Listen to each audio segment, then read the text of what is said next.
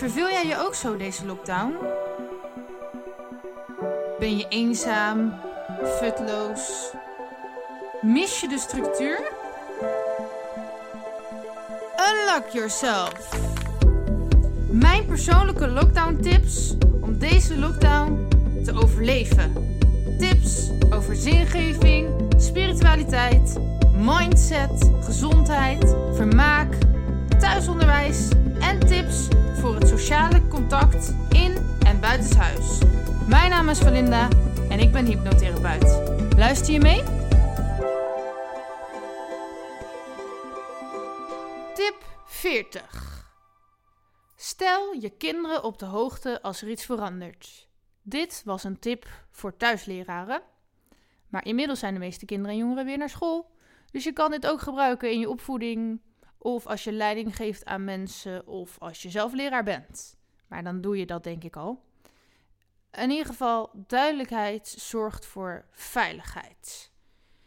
Ehm, dus een kind of iemand anders die jij begeleidt, die wil gewoon duidelijk weten wat er van hem of haar verwacht wordt en hoe de weg gaat.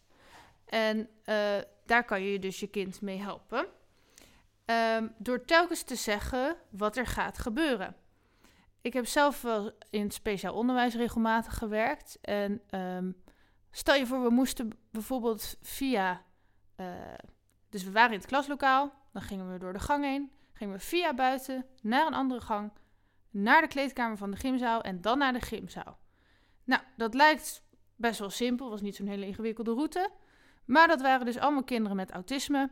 Dus dan ga je, als je voor de klas staat, heel duidelijk uitleggen van we gaan daar en daar heen lopen. En dan verwacht ik dat je bijvoorbeeld je mond houdt. En ik verwacht dat je je jas dicht hebt. En, dat ging je dan al in, de, in het lokaal uitleggen. Vervolgens ging je naar de gang. En als je dan merkt dat iemand niet doet wat je net hebt uitgelegd, ga je ten eerste diegene erop aanspreken, maar vervolgens ga je weer die regels herhalen. Kom je dan buiten, ga je weer herhalen van wat we gaan doen, wat er straks komt en wat je dan verwacht. Bij elke verandering is het dan handig om de kinderen telkens weer uit te leggen uh, wat er gaat veranderen of wat er gaat gebeuren en welk gedrag je verwacht. Nou, zo overdreven als dat bij deze kinderen moest, hoef je het misschien niet te doen, maar je zult merken als je leiding geeft aan welke groep dan ook, dan is telkens die kleine veranderingen weer vertellen dat zorgt echt ervoor dat dingen makkelijker en sneller gaan met een groep. Want dan kan de hele groep meekomen. Eigenlijk ben jij, als je de groep ziet als een soort van lichaam en jij bent de leider, dan ben jij een soort van de hersenen die de rest van het lichaam aanstuurt. En ja, de hersenen moeten niet vergeten om uh, tegen de rechtervoet te zeggen dat hij ook mee moet gaan, zeg maar. Ik, weet niet hoe ik nu bij die vergelijking kom. Maar in ieder geval, wat zeg je, Dennis? Het hoofd van de groep. ja. ja, het hoofd van de groep. Het hoofd van de groep, je moet dus heel duidelijk communiceren wat het wil. Want anders gaat het lichaam niet mee. Um, nou, leg ook uit waarom uh, de verandering plaatsvindt.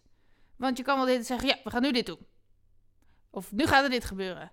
Maar de meeste mensen in onze maatschappij laten zich niet zo makkelijk. Uh, we, zijn, uh, we zijn niet uh, in China of zo. Of tenminste, ik weet niet of daar, daar is het wel heel anders volgens mij. Hè? Ja.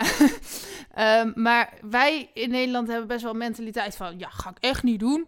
Heus niet omdat jij het zegt. Ik heb een eigen mening. Wij zijn heel individualistisch. En hebben heel erg, zijn heel erg opgevoed met een eigen mening. Wat ook goed is, hè? want daardoor laten we ons niet manipuleren.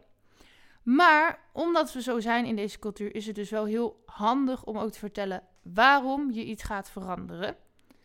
Uh, en wat die verandering dan wel niet gaat betekenen.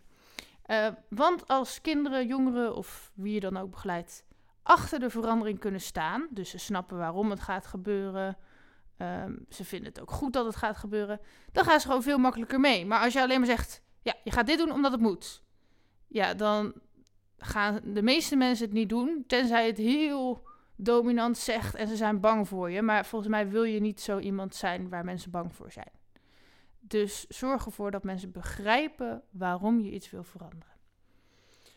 Um, nou, en als je dus no normaal gesproken niet, niet echt een leidinggevend persoon bent, dat was ik van nature ook niet, dan voelt het best wel overdreven om elke keer weer te gaan vertellen wat je weer gaat doen en wat weer gaat veranderen en welk gedrag je verwacht.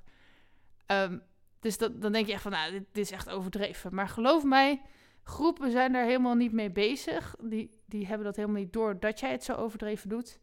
En het werkt super goed voor de rust en veiligheid in een groep en voor de duidelijkheid. Ehm, dus je kan het echt beter twintig keer te veel doen dan dat je de veranderingen niet bespreekt, zeg maar. Dus oefen dat maar eens. En als je het echt te veel doet, dan krijg je dat wel terug van de groep. En dan alsnog, soms krijg je het terug. Ehm, maar heb, dus ik heb ook wel eens bepaalde regels verteld aan een groep jongeren. Dat ze zeiden, ja, nou weten we het wel. En uiteindelijk deden ze nog precies hetgeen wat ze niet moesten doen. Dus ook dat zegt nog niet alles. Goed, dat over je groep op de hoogte stellen van dat er iets verandert. Meer weten?